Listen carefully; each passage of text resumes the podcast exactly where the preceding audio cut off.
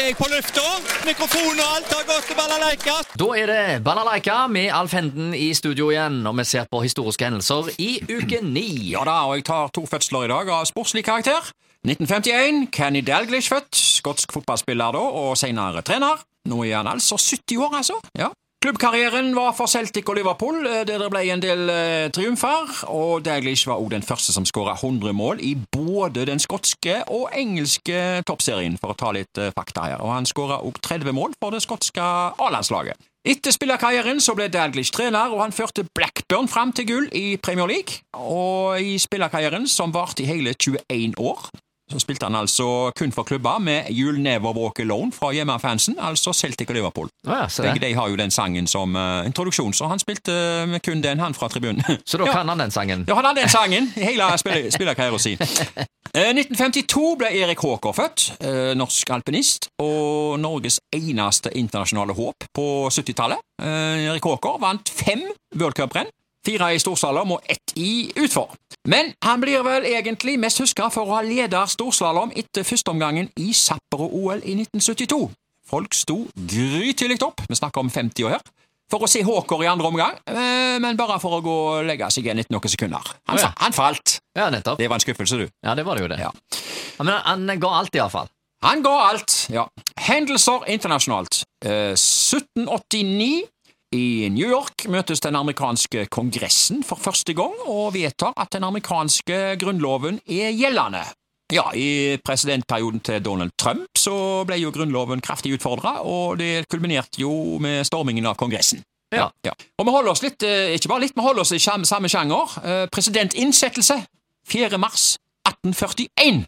Eh, I våre dager, og egentlig veldig mange år tilbake i tid, så har jo 20.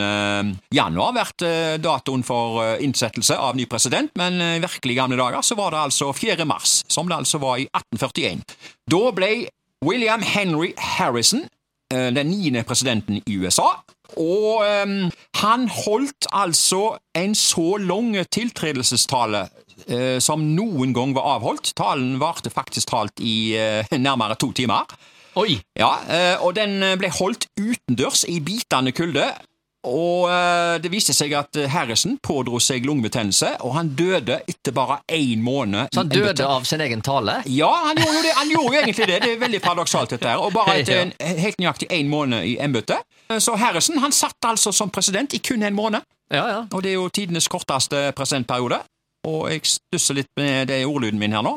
Han satt som president. Ja vel. Eh, eh, trolig var han sengeliggende. Oh, ja, jeg, jeg. Jeg tror ikke det? Lungebetennelse?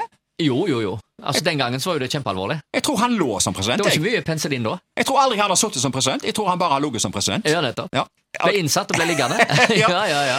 Ja, ok, vi går videre. Uh, hendelser lokalt. 1969, kino da. Festiviteten. Tom og Jerry og co., en barnefilm. Og så gikk filmen Pardans med døden. Det var en film med Michael Kane. På Håndverkeren gikk en voksenfilm. Fem på i San Genaro. Det var en amerikansk-italiensk lystspill i farger, som det sto i kinoannonser. ja. Ja, det var altså kinemenyen i 1969. Og så skal vi gå til 1972. Gamle brannbiler her. Overskrift i Haugesunds Dagblad. Haugesund brannvesen kjører rundt i veteranbiler. Eh, Den eldste er en 1939-modell. Deler må plukkes av vrak. Glad vi snart får ny bil, sier brannmesteren. Videre skriver Dagbladet. Brannvesenet i Haugesund har liten bemanning og er elendig utstyrt hva biler angår.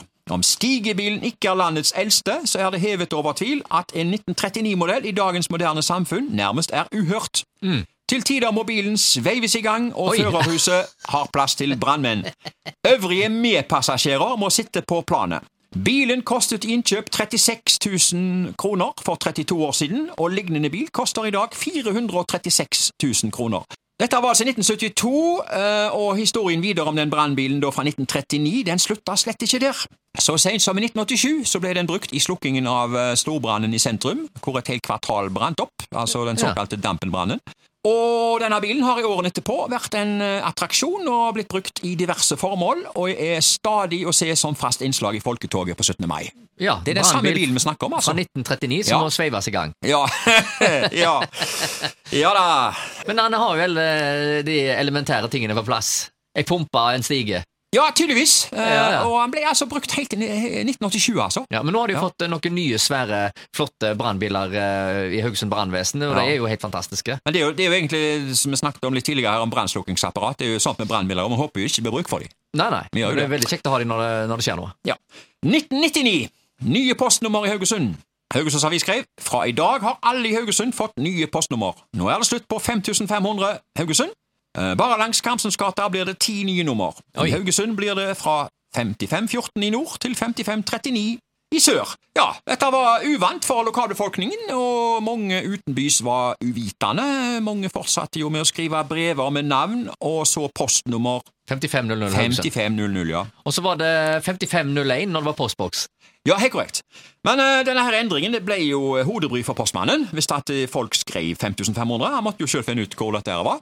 Ja. Eller noen Han hadde vel medhjelpere, da, selvfølgelig, så, men eh, likevel. Det ble jo eh, det ble en ny hverdag for postbudet. da. Er det egentlig bare én ting å spørre om, føler jeg. Ja, jeg føler jo at, eh, jeg føler jo at eh, postmennene hadde mer enn nok med å finne ut av hvor julenissen bor. Og så skulle de i tillegg finne ut hvor alle andre bodde. Ja, ja, ja, Da Ja. hadde de noe å ta seg til. Ja, ja. Ja, ja, ja, ja. Men de har jo forskjellige postruter, da, så jeg vet ikke, det går seg vel til. Gikk så gjerne til. Ja, ja, akkurat som å gå med aviser. Du har jo dine postruter, så du vet jo hva det går i. ja. Ja. Ja. Men Da er det egentlig bare én ting å spørre om. ja. Postnummer! Hot or not? Ja, det er hot. Det kom for å bli.